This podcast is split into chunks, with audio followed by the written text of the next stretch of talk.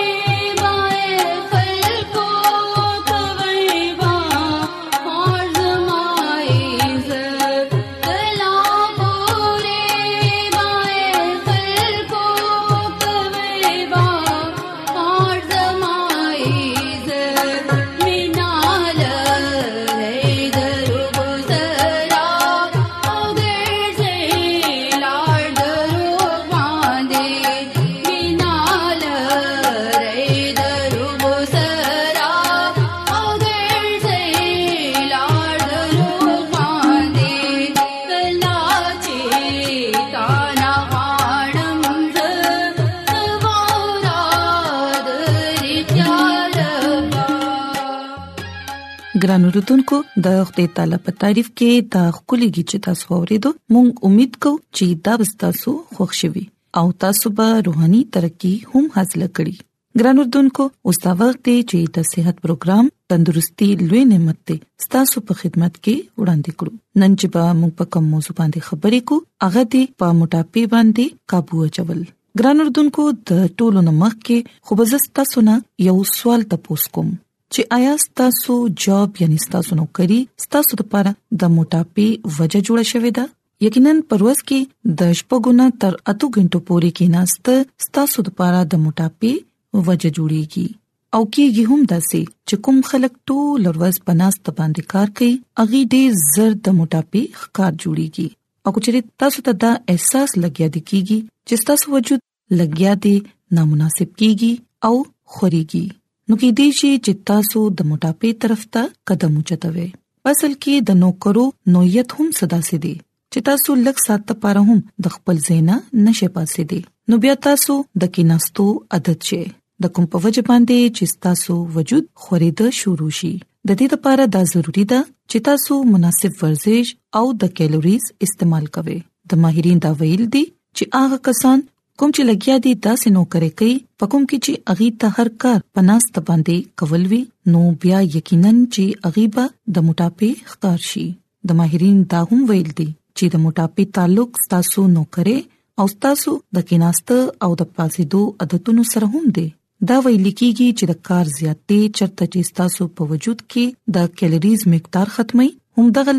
تاسو د یو ځای کې ناستو په وجه باندې هم دغه کیلریز تاسو په وجود کې دوباره محفوظ شي بشکه په موږ کې ډیر خلک د یو ټف روټین ادي جوړ شوی دي او عمدغه وجه ده چې زموږ سره نه خو د صحیح خوراک خورلو وخت دی او نه د خورلو وخت دی همدغه وجه ده چې بغیر د خوراک په وجه باندې او د غیر متوازن خوراک په وجه ستاسو وجود زیات کیلریز محفوظ کوي د کوم په وجه باندې چې ستاسو وجود نامناسب ښکاری دغه شان ګران اردوونکو مونږ ګورو چې ستاسو د موټاپې یو وجه ستاسو بهر د خپل مرګرو سره خوراک کول دي او په غلط وخت باندې خوراک کول دي عموما د لنچ ټایم په دوران د خوړلو په ځای په مخام کې د اوټینګ کولو په وخت باندې خوراک کوي دا یو نامناسب وخت دی یعنی دا غلط ټایم دی خو ګران اردوونکو یاد ساتئ چې کوچري تاسو د موټاپې نه بچ کېد غواړئ نو بیا تاسو ته پکار دي چې خپل لنچ هم په لنچ ټایم کې خورئ او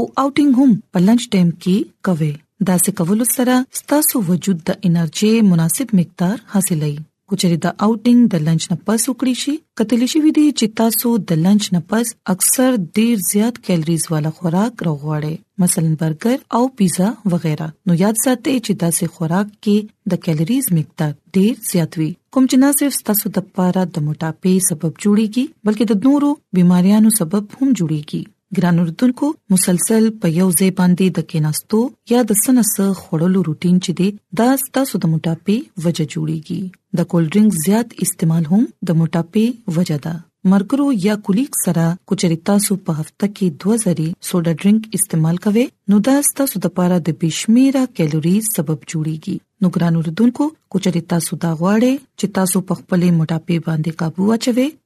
نو بیا په دې کې د ټولو نه ړومبي حل دا دی چې تاسو د متوازن غذا استعمال وکړئ او د خپل ډایټ خاص تور باندې خیال ساتئ نو بیا د دې لپاره تاسو ته په خپل مصروف وخت کې 15 منټه روکاګل وی د غیر متوازن خوراک استعمال کم نه کم کوي ولې چې دا خپل دننه د کیلریز ډیر زیات مقدار ساتي د سافټ ډرینګز او د تاسو ټول قسمه ډرینګز استعمال بند کړئ او د هغه ټول قسمه ډرینګ استعمال هم بند کړي په کوم کې چې هلکه شان کیفین مقدار شامل وي په اصل کې دا ټول قسمه ډرینګز تاسو ته انرژي خو فراهم کوي خود دې سره سره تاسو وجود ته د موټاپي ښکار هم جوړي نو د دې لپاره څومره چې کې دي شي د دې استعمال کم نه کم کوي او د کار په دوران باندې د غیر متوازن او نامناسب خوراک اغستو پځې س میوه خوري څنګه چې سیوان وغیرہ دا به نه صرف تاسو وجود ته مناسب کیلوریز ورکړي بلکې تاسو د ډایټ په حواله سره به هم ډیر خوي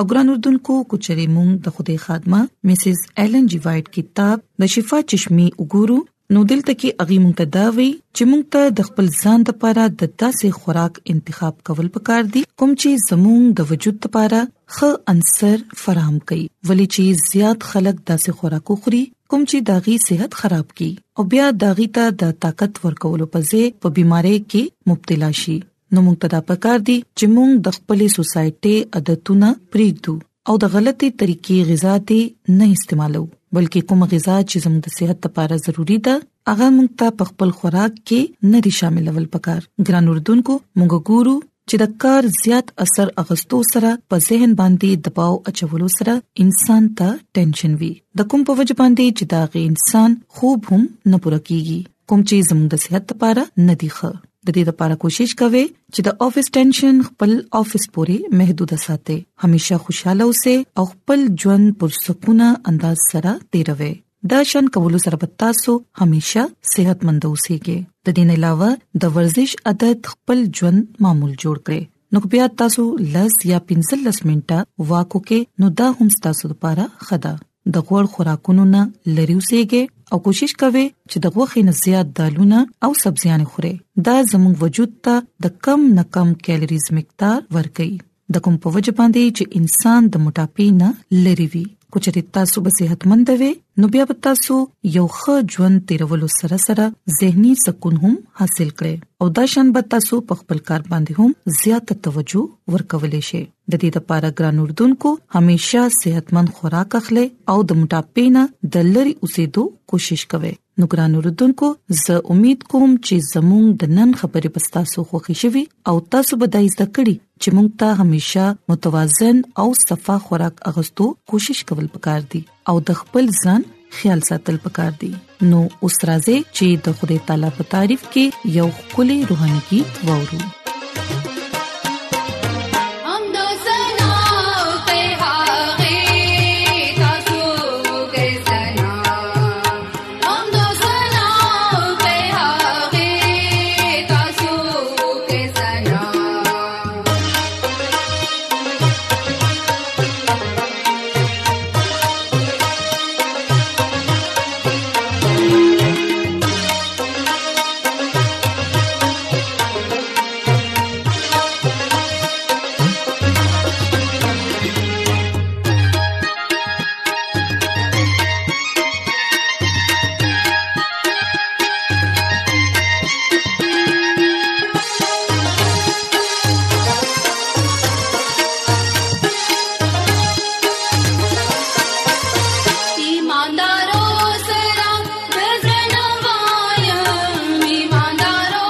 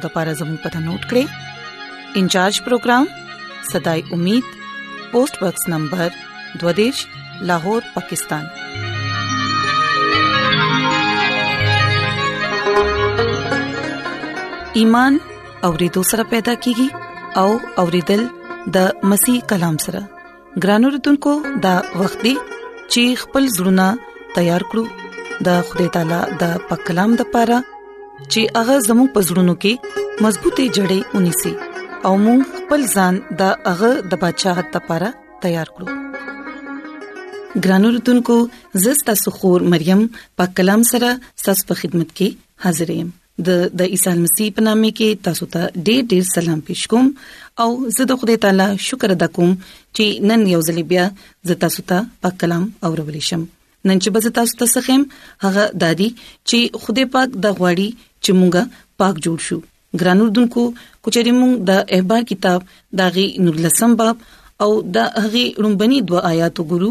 نو دلته کې د موږ تلوستلو ته ملاويږي بیا خدای تعالی موسی ته فرمایل چې د بنی اسرائیل ټول جماعت وایا چې تاسو پاکو سه ولی چې زستا سو خدای پاک خدای د پاک کلام په ویلو او اوریدلو دی د خدای تعالی ډیر زیات برکت وي امين ګران اوردونکو کله چې په بایبل مقدس کې ګورو نو دلته کې موږ ته ډیر په واضح تور باندې د خدای تعالی د کلام ملاويږي خدای تعالی خپل خلکو سره دا کلام کوي خپل خلکو ته دا وایي چې تاسو پاک اوسئ ولی زه چې تاسو خدای يم زه پاک خدای يم ګران اردوونکو خدای تعالی دا غواړي چې موږ پاک جوړ شو پاک اوسو ولی چې هغه پخپله پاک دی ګران اردوونکو یاد ساتئ چې پاک ټکی چې دی نو دا د روحاني او اخلاقی پاکیزګي ظاهروي د دې مطلب دا دی چې په مکمل تور باندې د بدینا لری اوسېدل او د خدای تعالی د معیار په مطابق خپل ځان وقف کول دي نو د خدای تعالی په کلام کې مونږه دا هم ګورو چې خدای خپل خلکو ته دا وایي د خلکو نه دا مطالبه کوي چې هغه دې پاکوسی دا غوي کردار دا غوي ناس تپاستا به هم هغه سی وی څنګه چې د خدای تعالی ده ګران اردوونکو څنګه چې یو ماشوم ته یا ویلور ته یا زوی ته دا ویل شي چې زویا یا لور ته د خپل مور پلار پشانه ستا شکل ستا صورت خپل پلار سره ملاويږي یا خپل مور سره ملاويږي نو دغه ټیم کې تاسو سوچو کې چې غماشوم سمره خوشاله شي او ګران اردوونکو کله چې مونږ ته هم څوک دا وایي چې تاسو بيخي د خپل پلار پشانې تاسو د خپل مور پلار پشانې نو دغه ټیم موږ سومره زیات خوشحالي ګو ګران اردوونکو سوچو کې کچري د دنیا خلک تاسو ته دا وایي چې تاسو کردار تاسو ناس د پاستا کې هغه خوبيانې دي کومې چې الهي دي کومې چې د خوده د کلام په مطابق دي او کو چریتا تاسو دا وي چې تاسو زما د پاره د خوده فرښتې نو ګران اردوونکو تاسو ته به څنګه لګي تاسو به دغه ټیم سم محسوسوي یقینا دغه وخت به خوده زمو خوده تعالی ډیر زیات خوشاله شي ولی چې کله د خدای تعالی د خلکو پیجنګلو د هغه د نوم نکیږي نو دغه وخت خدای تعالی ډیر زیات خوشاليږي او خپل خلکو لا برکت ورکړي نو ګران وردونکو نو ګران اردوونکو خدای تعالی خپل خلکو سره دا مطالبه کوي خپل خلکو نه دا تقاضا کوي چې اغي دې د هغه بشان پاک وسی ولې چې خدای په خپل پاک دی نو خدای تعالی کوم چې زموږ د ژوندون خالق او مالک دی چا چې مونږه پیدا کړی یو د چا د لاس چې مونږ کارګری یو هغه دا وایي چې پاک وسی ولې زه چې تاسو خدای يم زه پاک خدای يم نو ګران اردوونکو خدای دا غواړي چې دا غي خلکوم دا غ بشان پاکوسي او دا غي د کردار نه د خدای تعالی کا سکیږي ګران اردوونکو دا سکولو د پاره لازمي دي چې مونږ خپل خوښه چې کوم قومونه دي دا غي بدینی او د خلکو چې کوم غلط رسومات دي د کوم تعلق چې خلاصون سره نشته دي ګران اردوونکو دا څه کولو د لپاره لازمي ده چې موږ خپل خوښه چې کوم قومونه دي کوم چې بې دیني د پاغي کې او د خلکو چې اغه رسومات ته کوم تعلق چې خلاصون سره نه دی دا غینه د موږ خپل ځان بچ ساتو خپل ځان د موږ دا غینه لري ساتو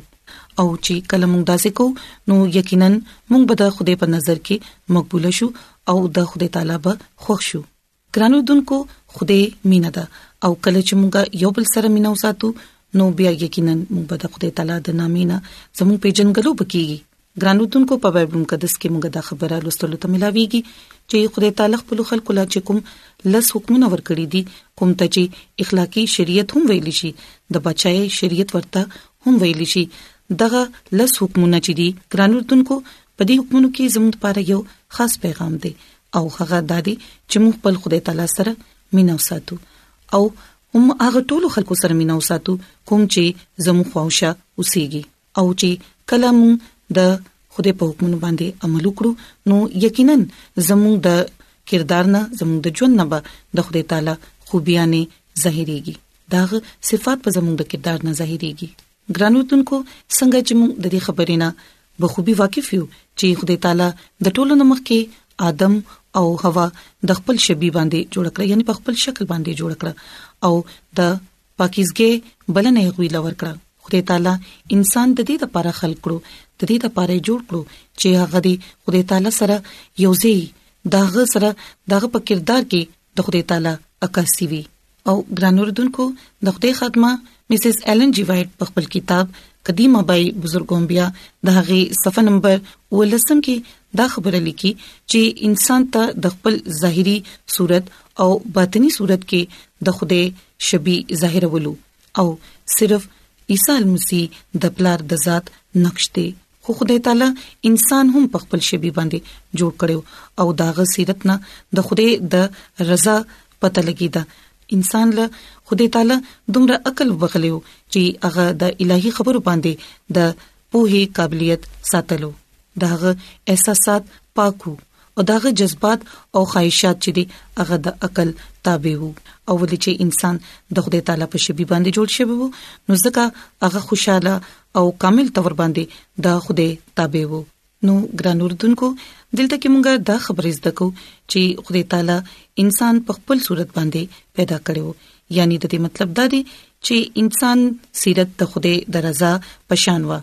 د هغه ته دا عقل ورکړی شوی وو چې هغه په الهي خبرو باندې د پوهي قابلیت ولري د هغه احساسات صفاو پاکو نو خدای تعالی دا غواړي چې څنګه انسان د شورونه د ازل نه پاک حالت کې وو او د خدای د رضا تابعدار وو اوس هم دی هغه په پاک حالت کې اوسېږي او د خدای د مرزه د خدای د رضا تابعداري د کوي نو ګران اردوونکو یاد ساتئ چې مونږ ته زکه پاک جوړېدل دي پاک اوسېدل دي ولې چې خدای تعالی دا وایي چې پاک اوسې زکه چې زستا سو خدای پاک خدای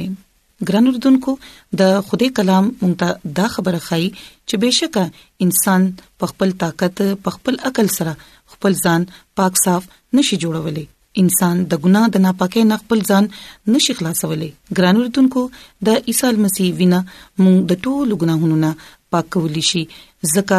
د پاک جوړېدو د پاره پاک صفه اوسېدو د پاره د ګناهونو نه د خلاصون حاصلولو د پاره موږ ته په عیسی المسیح باندې ایمان راوړل دي موږ ته پکار دي چې هغه خپل شخصي خلاصون کې تسلیم کړو ولې چې هم هغه زموږ د خلاصون ضمانت دی ځکه موږ دلته ګورو د یوحنا په لومبني خط کې دا غي په لومبي باب دا غي نه هم آیت کې صدا سلی کلی دي کوم د خپل ګناهونو اقرار کوو نو هغه وفادار او صادق دی او هغه به زموږ ګناهونه معاف کړي او د هر قسم بدونه به مو پاک کړي ګرانو دونکو د خپل خادمه مسز ایلن جی وایډ په خپل کتاب د شفا چشمه داغي صفه نمبر 3 په تکي دا خبره لیکل ده چې د ګناه چې کوم احساس دی هغه د ژوند چشمه زخريله کړی ده خو زمو خلاصون کې دا وایي چې زبستاسو ټول ګناهونه په خپل ځان باندې اوچت کړم تاسو د ګناهونو بار به اوچت کړم زبتا سوله اطمینان درکړم زما فضل به تاسو کمزوري اراده تقویت ورکړي او د ګناه هغه پښتاوه چا چې ستاسو ژوند عذاب کړی دی زبه هغه ستاسو د ژوند نه لری کړم کله چې ازمختونه تاسو راګیر کړی کله چې فکرونه او پریشانیاں تاسو دباو کړی کله چې تاسو پست همت شئ بیزړه شئ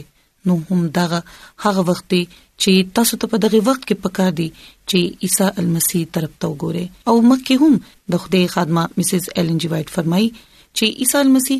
دا غواړي چې تاسو په خپل خاندان کې شامل کړي هغه به تاسو تغلا قوت درکړي چې تاسو کمزوريان به لری شي هغه به په هر قدم باندې تاسو رهنما جوړيږي تاسو په لاس تاغه په لاس کې ورکړي تاکي هغه ستاسو رهنمایي وکړي دا خیال د خپل ذهن نه لری کړئ چې عیسی مسیح ستاسو نه لری دی هغه خو هر وخت ستاسو خوښه دی ستاسو نږدې دی او دا هغه حضوري هر وخت زموږ چا پیره ده د زړه د هغه تلاش وکړي نو ګران اوردونکو تاسو ته دا پکار دي چې تاسو په ژوند کې کو سمره هم